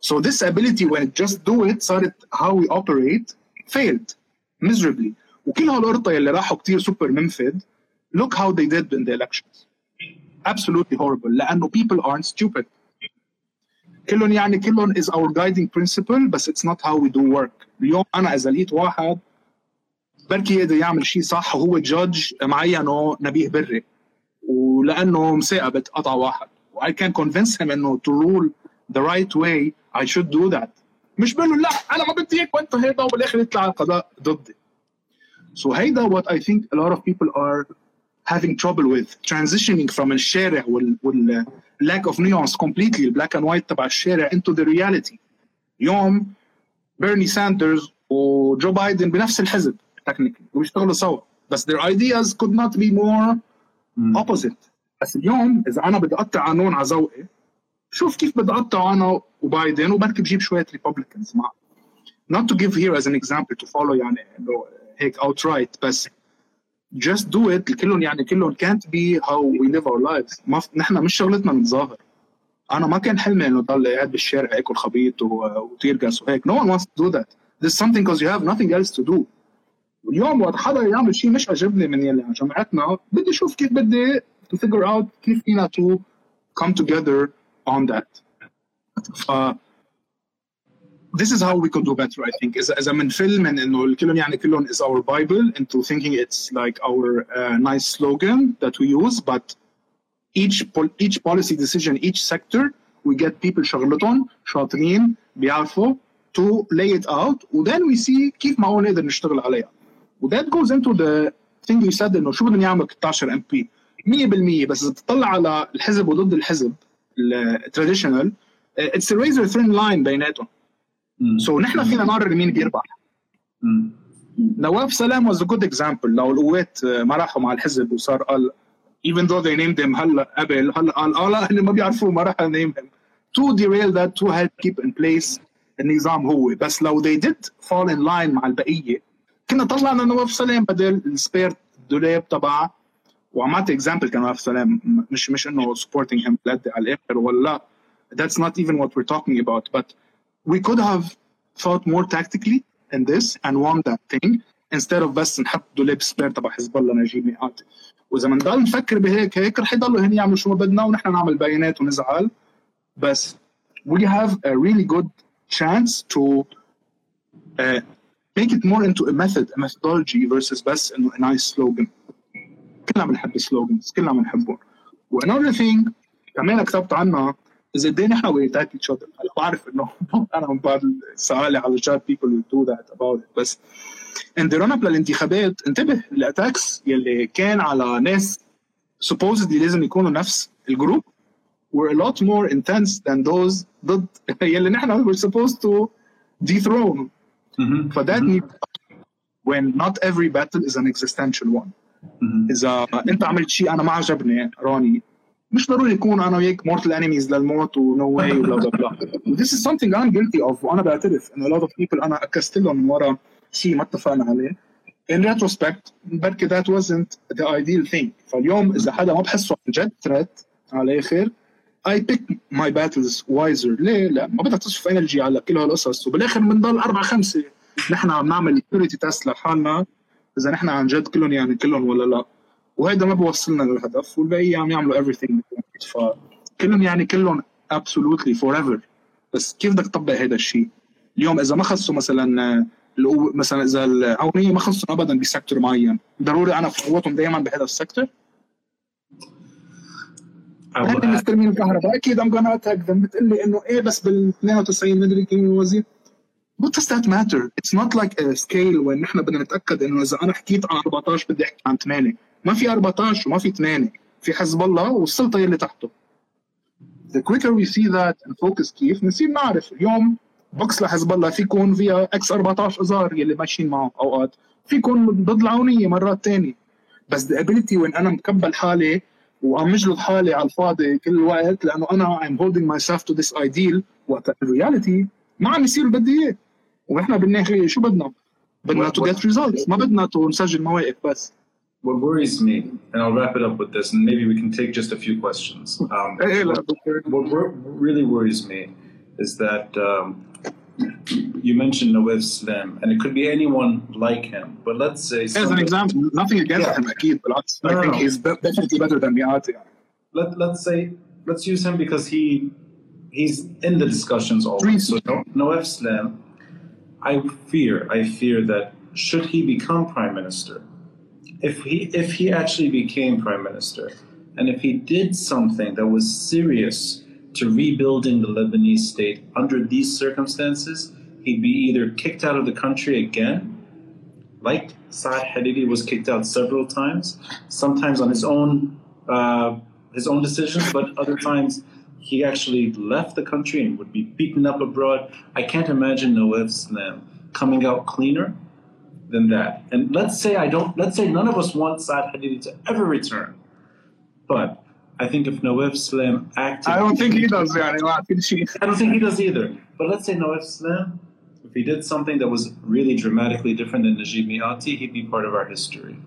And I gave this analogy to Paul Najjar, and I, I he, I mean, it's it was maybe an inappropriate time to do it, but I thought it was good to have this flushed out a bit. It was right before the elections. I think if Paul Najjar was president of Lebanon, forget Michel Aoun, Paul Najjar is in Ba'abda the last six years. Had he tried to prevent ammonium nitrate from entering the port in a serious way, inside exactly removed from Ba'abda, no longer president, or paralyzed in power. And that to me, I think, is the burden that I think, I think intelligentsia could at least help explain better. Because if we're able to frame the problem as one of security and one of diplomacy that includes politics and corruption and sectarian reform and all of that stuff, I think we'd be able to deliver at least the problem better. Because I worry over time, the good people that are trying are increasingly afraid. The bad guys have multiple ways to deliver their message, and the gray zone in between should not be dictating politics either. So I worry that maybe we're losing this battle slowly, and I'd like us to win this battle. I prefer that we're the winners in Yeah, this slowly but surely is, is my my و I think it's a problem that a lot of the Lebanese public kind of understood لان احنا معودين انه عاده one significant thing happens وبعدين كل شيء بيتغير you gave Doha as an example So in people's minds هن معودين إنه دائما في مثل إنه بكرة بعد الانتخابات الامريكيه بيمشي الحال. بكرة وقت ينقوا رئيس الوزراء تبع فرنسا بيمشي الحال. بكرة بس يخلص الايران توكس بيمشي الحال. لأن إحنا معودين هيك ونشرات الأخبار كلها هيك. والداي تايم تي في شوز اللي بيجيبوا لي سالم زهران وما أدري شو ما بيحكوا غير عن المواضيع. So in people's mind this is a reality when it is not. No one cares about that. It's always incremental change شوي شوي. أكيد بيجي خضات اوقات مثل اكتوبر 17 ما في يقول هذا شيء incremental لأن طريقة الناس والايديا اوف what accountability is to them changed forever. ما رح ترجع مثل قبل. هلأ ما بقى فيك مثل قبل تعمل تربيات هالقد. رح تحس حالك غلط. وحدا رح يقول وينك كذا مزا.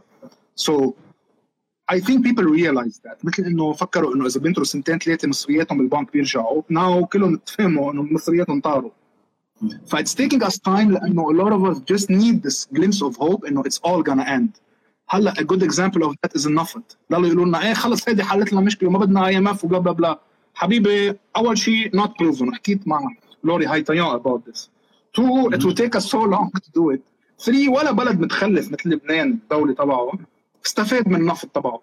ولا دولة استخرجت نفط وهي مش ماشية السيستم تبعها. Actually استفادت كيرس لأغلبيتهم. فنزويلا is a good example Nigeria is another في so many places. قبل ما النظام يكون ظابط oil hurt them. It didn't help them. It polluted them. Corruption زاد برازيل is a good example. كمان شفنا شو كانوا بيعملوا كار واتشات وهيك so بدهم هيدا الفالس هوب وبتكبشوا فيه مثل كان هيدا هو الصح. بس I think 17 اكتوبر وبعد 8 4 آب و8 آب they're a lot more pragmatic in that and they know إنه إذا اجى نواف اسلام مش إنه فجأة رح يزبط البلد. I think هالاكسبتنس مش الحل عند الناس. السؤال كيف how to address it I think كل واحد بيعمل شاطر فيه. يعني you're a good chemical engineer مثل نجاة صليبة فوكس على كيف أنا بدي ما موت من كانسر لأنه في 50 موتور بالحي عندي وكل السيارات من من الثمانينات آه، وبيمشوا على غاز ما بعرف شو. I will get hurt بدي حدا يفسر لي شو بدي أعمل الاي ام اف بجيب حدا بيفهم بالفاينانس تبعه القصص يفسر لي خيي شو لأنه no one is an expert بكل شيء. آه ف it's all incremental change. وحتى لو اجى نوصل مثل ما قلت nothing will change. وإذا كان خطر عليه بيطيروه like they usually do so it has to be change اللي شوي شوي وين توصل لبوينت وين حزب الله بيوقع بيقول ايه ما بقى في اعمل شيء but that doesn't happen overnight or with one election and I think we're already on on that path and we're doing great بهذا الباث بس it's what تطلع يوم day to day it's easy to fall into despair and I think that's where مهم ندور على قصص آه، يلي ما لفت النظر يعني ما حدا عم يحكي عن الانتخابات البلدية ما بعرف ليه. I'm really trying hard to focus on that لأنه أنا أنا من صغرته I grew up thinking إنه نحن عنا زعيم عائله وبس هو اللي بيطلع النايب وبلا بلا بلا وكذا. وكامبينينج لميشيل دويهي وشمالنا وكلهم آه ما بتتخيل قد إيه كان ال الريزيستنس إنه أنتوا هلأ بصغرتك بتطلعوا النايب وكل هو عرفت؟ Always that derogatory. إنه لك أولاد وشو مبسوطين وكذا. طلع ميشيل ما طلع زعيم العائله supposed to. هلا وقتها صاروا كلهم شو مبروك أهلا أهلا. بس it did happen in a place يعني اللي ما إنه من صغرتها ما عندكم فكرة قد إيه الناس conservative فوق. يعني حتى males females بينسمون وقت العزا not a liberal bastion of progressive ideas. بين هذا الشيء إنه غلط. the younger generation من عمري كان في كثير منهم و they were able to pull off something that ليه عم نحكي عنها specifically لانه I know it enough my own town my own uh, relatives my own هيدا something huge happened and it was too late for them to notice هن مفكرين انه هو يطلع ماكسيموم بياخذ واحد اكسترا معوض او بياخذ واحد اكسترا فنجين and then it happened they need to figure out what to do now فهلا صار mentality تبعهم change with that ف how did that happen who would have expected انه ميشيل دوي يربح even I deep down بركي didn't ليك شو صار because of this incremental change يلي كان grass roots led كان grass roots led تونيا هلا عملت comment it's because of people like her يدقوا باب يحكوا كذا it happened even though انا ما بحياتي كنت افكر وليه عمل لك when I was 15 16 روح على غدوات وعشوات العائله we even have a flag للعائلة وكوت اوف ارمز والزعيم بلا بلا بلا that فرنجي زعيم فرنجي آه، شو اسمه ده؟ For this to change الالي كان a seismic shift إنه أف even بصغرتها معقول. يعني it's not just the uh, intellectual cafes طبعا حمر بلا بلا بلا it was also the rural parts where we were able to do well. فهيدي الايديا إنه no way no way. خيي يطلع لي نايب من أصل ثلاثة أحسن ما ما يكون عندي صفر نايب for me. كيف نايب نكست تايم انا هيك بدي افكر انا if we do that enough time حزب الله بضل هالقد محشور وعم يصرف مصاري بسوريا وبالعراق ومدري شو ايران ما عم تبعت له. قد ايه بده يداين فيرسز قد ايه نحن فينا نداين هون بصير الزنقه تبعنا. How can we last without the the safety net that Hezbollah provides to its own people? كيف نحن بدنا هالسيفتي نت these two things that are happening at the same time, and I know the to Tishreen parties have already gone into the local stuff behind the scenes. I know they're talking about Yes. it all the time. and they should that's where they should be Right. So let's say that is happening anyway. That's happening naturally. And I agree with your long term optimistic lens, which is this phase of our history will expire. And it's not a permanent reality. What I worry about, and this is again the way I see it, is that the end of this nightmare later in our lives will be an unrecognizable Lebanon that's nearly impossible to rebuild. And I wish we could create circumstances on the ground earlier that would move things in a better direction quicker. And I still hold on to this need to redress and reverse these horrible agreements made at our expense. And if we're able to do that without time travel, no one can do time travel. None of us can go back to the Yes, 1960s. Yeah, I'd like to actually move as history moves in this natural direction, but at least, at least have that kind of diplomacy correct the mistakes of the past. Because in my lifetime, I've seen too many deals that make Lebanon an ungovernable country, and it's not Lebanon's fault. True. And I don't blame Lebanese for this tragedy. I don't blame never them. انا ولا مره اكيد So, you know, on that note, let's take a few questions. I, I, Sure. I can't go further up because it's, uh, but whoever's still around and wants to ask a few questions, write them down. I saw one a few minutes ago, but it slipped, so feel free. Anyway, let me scroll a bit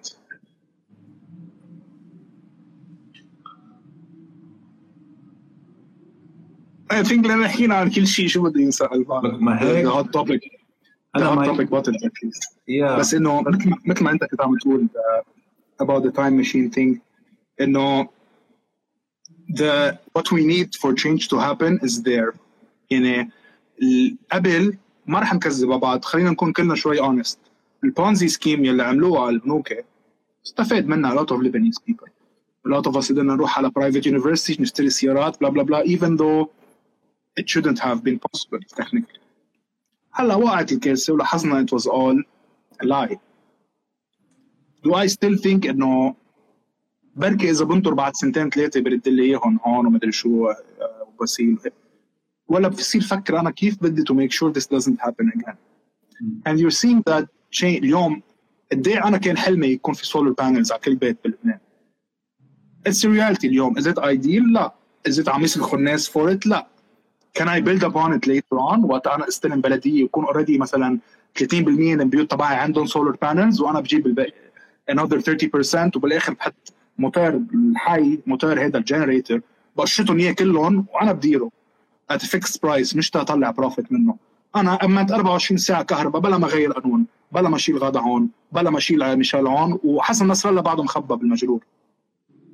It is possible to do change. The only thing stopping us from that هي إنه نحن خايفين منهم يعملوا لنا شيء إذا عملنا change. إذا ما عندنا خايفين خلي دركي يسترجي على ضيعه قدرت تامن كهرباء وقف الكهرباء I would love to see that live I, I, I think of that all the time. السؤال ما بحبش ما بحبه السؤال جون فالجان if you're given country leadership today what would you do to rebuild the country if اول شيء I'd close all the banks اللي كانوا already موجودين مسكرهم بحطهم بالحبوس لكل الناس اللي own them fresh slate يلي عنده كان كل شيء هيدا this is the first thing I do. Second thing I do يلي بيحل كل المشاكل بيي بعمل قانون أحوال شخصية مدنية.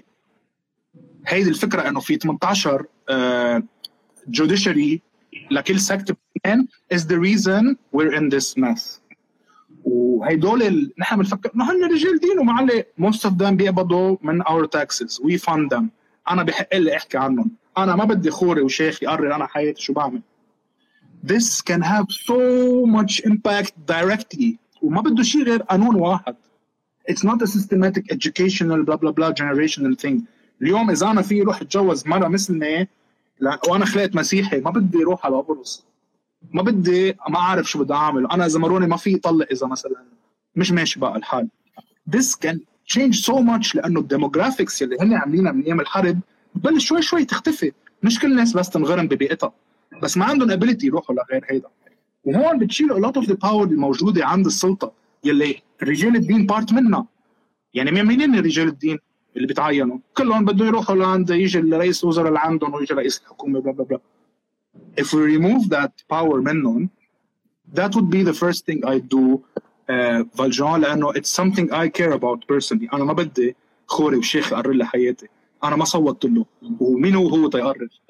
أنا بدي جادج اكشلي بيعرف يكون أنا عندي محامي معي ومحامي ضدي وتو ميك ماي كيس وخليهم يقرروا بيست على القانون سو so, اذا أنا بستلم ليدرشيب لبنان this is the first thing I would do بشيل الاحوال الشخصيه من بعد ما سكر البنوك I'll take one question that was directed to me as well from Ton- Tonya Mura. I'd like to know, Ronnie, which moves you think will make the progress quicker?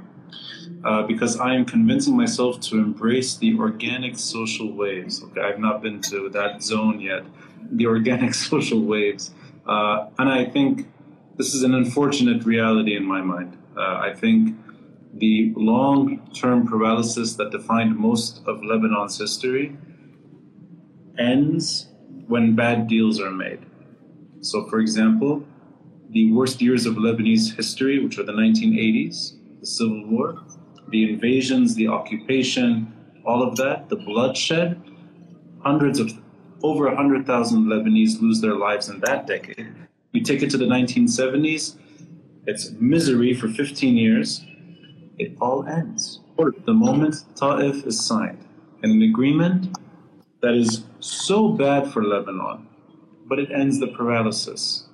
Anna, my experience with Doha was three struggling years of a Lebanese state trying and failing to push a few things forward that meant institutional reform. That sluggishness, that, that carefulness is defined by violence as well.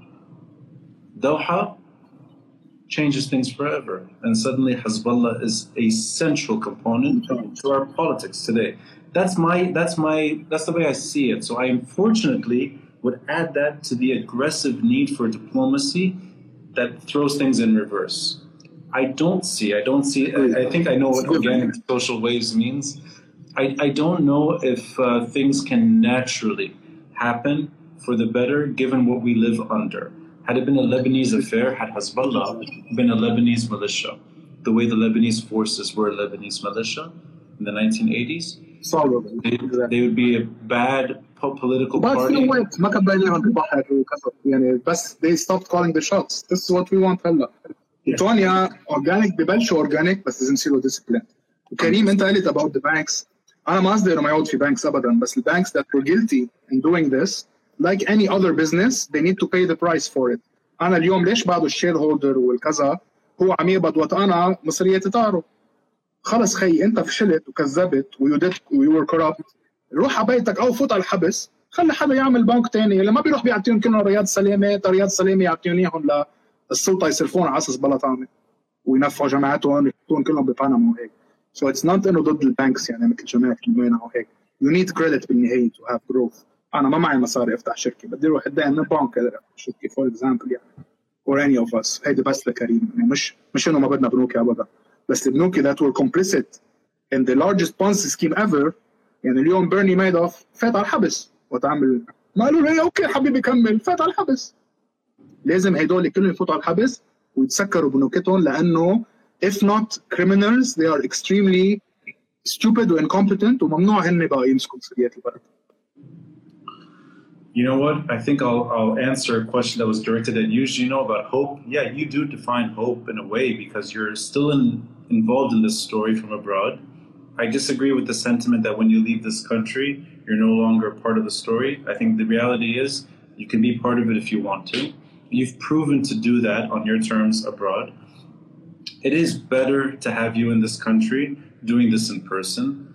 Uh, but for the time being, thank you for letting me Soon, steal- someday, hopefully. Yeah, I want you back. Someday, hopefully. Someday. And, and thank you for uh, letting me steal your Friday afternoon. Uh, Ronnie, it's always a pleasure. Day one هيك last minute but I always enjoy. Today's conversation was very. This is the Friday night I prefer than uh, than doing anything else. So thank you again. Technically, it's still uh, 3:47 p.m. here, so I still have my Friday night. I'm going to do two things. I'm going to plug your. Uh, anyone that doesn't know your podcast, check it out. Bukra, it's long form. You're, you're gonna love. I'm gonna give you a scoop for the next. Uh, Yeah.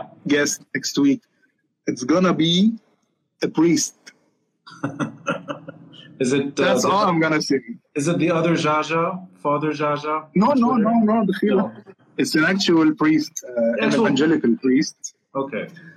that I found, and I think it's gonna be an interesting one. It's definitely out of my league and my normal comfort comfort zone. أنا عارف إن أنا ال- exposing عالطن الخوارن doing bad and getting uh, shit for it, but كمان ما فينا نقول all.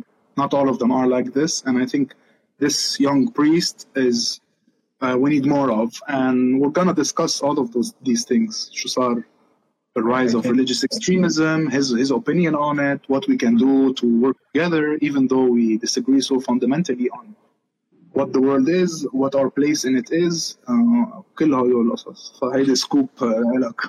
I think no, no, that's great. You know, I, and by the way, I really meant it because there is a Father Jaja I follow on Twitter.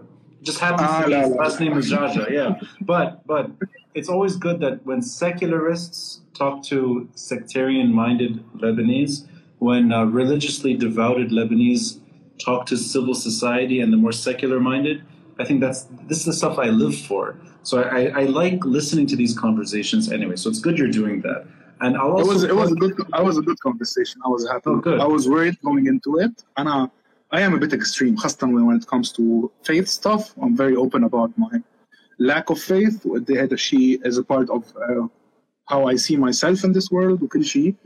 But if you remember uh, George Masouh, the Orthodox priest who Yeah. passed away 12 years ago from cancer, so he is one of the men I respect most. مثلا كان يقول لهم وقت جنود الرب وهيك used to do stuff يمنعوا فيلم او ممنوع تعمل gay pride parade او بلا بلا بلا كان دائما يعطيهم اكزامبل انه جيسس ابن الله لالون literally was humiliated, tortured and killed and didn't do anything about it. So مين مفكر حالك انت تيجي تحكي عن انه جيسس مش عاجبك اذا جيسس himself took that and told them اغفر لهم خطاياهم ما بيعرفوها بلا بلا بلا.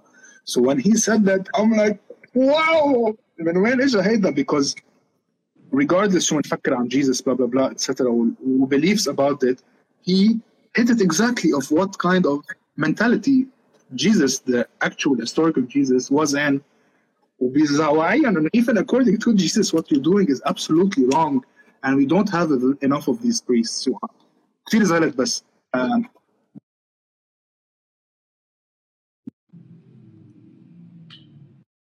that's why I want to sit with him. Hey, Gino. There, that's Ah, that's, Garabo. that's how it ends, right? Right? Perfect timing. That's that's perfect timing. I'll I'll I'll add something. Hearing you talking about Christianity, I never imagined that. So that's that's a nice development. It's a good thing. I, I I'm going to listen to that episode. I'm really interested. Um, I'll also just insist that people read your opinion uh, pieces in Now Lebanon. They're recurring more often. So I, I like reading your your. It reminds me of your blog, but a little more structured. And I, I love. I wish people read more, still read as much. Yeah. No. I prefer that over stories, but it's okay. no. But then for the people who, who sometimes don't like, you know, I curse a lot, to I troll people I don't agree with, you won't find that in the article. If, if, so you want the more uh, يعني موزون opinions without the fun that we inject on social media. Uh, I'd recommend uh, articles. but to be fair, also even in your podcast episodes, you're hey, you're you're fairly uh, you're fairly measured. So it's nice to have a variety of ways of tackling this conflict. That's another thing, Ronnie. The the the social media's unintended effect has made everyone into a one-dimensional character. Mm-hmm. So in people's minds, when I meet someone live مثلا أول مرة بصير oh ما كنت عارفك هيك انه شو ليش سب لك وعيط عليك يعني if I'm meeting you I am a normal human with that Yeah. بس اليوم being faced with everything بلبنان اقل شيء قال له كس امك شرموطه اللي عم جرب يخبصني بنص المظاهره that's very normal والهدول اللي بي- أول نزل على الثورة أول يومين. لا أنا نزلت أول يومين بس بعدين صاروا يجيبوا يسبوا فليت خي فل الله معك. اليوم الهلا هلا هو افكت على جبران. Can never be undone. إذا حطنا كلنا بالحبس وجاب حزب الله يقتلنا. رح يضل كل ما تنقطع الكهرباء نقول كس امه جبران بسيط and for me that was worth all the flack I got because there's no going back from this for them. And for me it was a political decision. many hecklered, my other specific hecklered, I like to troll people every now and then. You're doing it on your terms, and that's the most important thing. You're an independent mind. You're figuring things out as the story evolves too. You're touching on different medium. I think you're, you're I think you're doing just fine, Gino. So I appreciate you. Honey, thank you. No, thank you for letting me spend my Friday night with you. I'd, I'd rather do this than anything else. And we'll talk more. So, Yeah, out of the podcast now, Lebanon opinion column. Thank you, Gino. save this the conversation it was a nice one I am, and I'm going to actually. Uh, what I'll do is I'll edit it out Post a bit. It'll- I'll turn it into Perfect. a podcast episode, so it'll be on the podcast as well. Yeah. amazing Thanks, Gino. Ronnie bye bye Bye-bye. everyone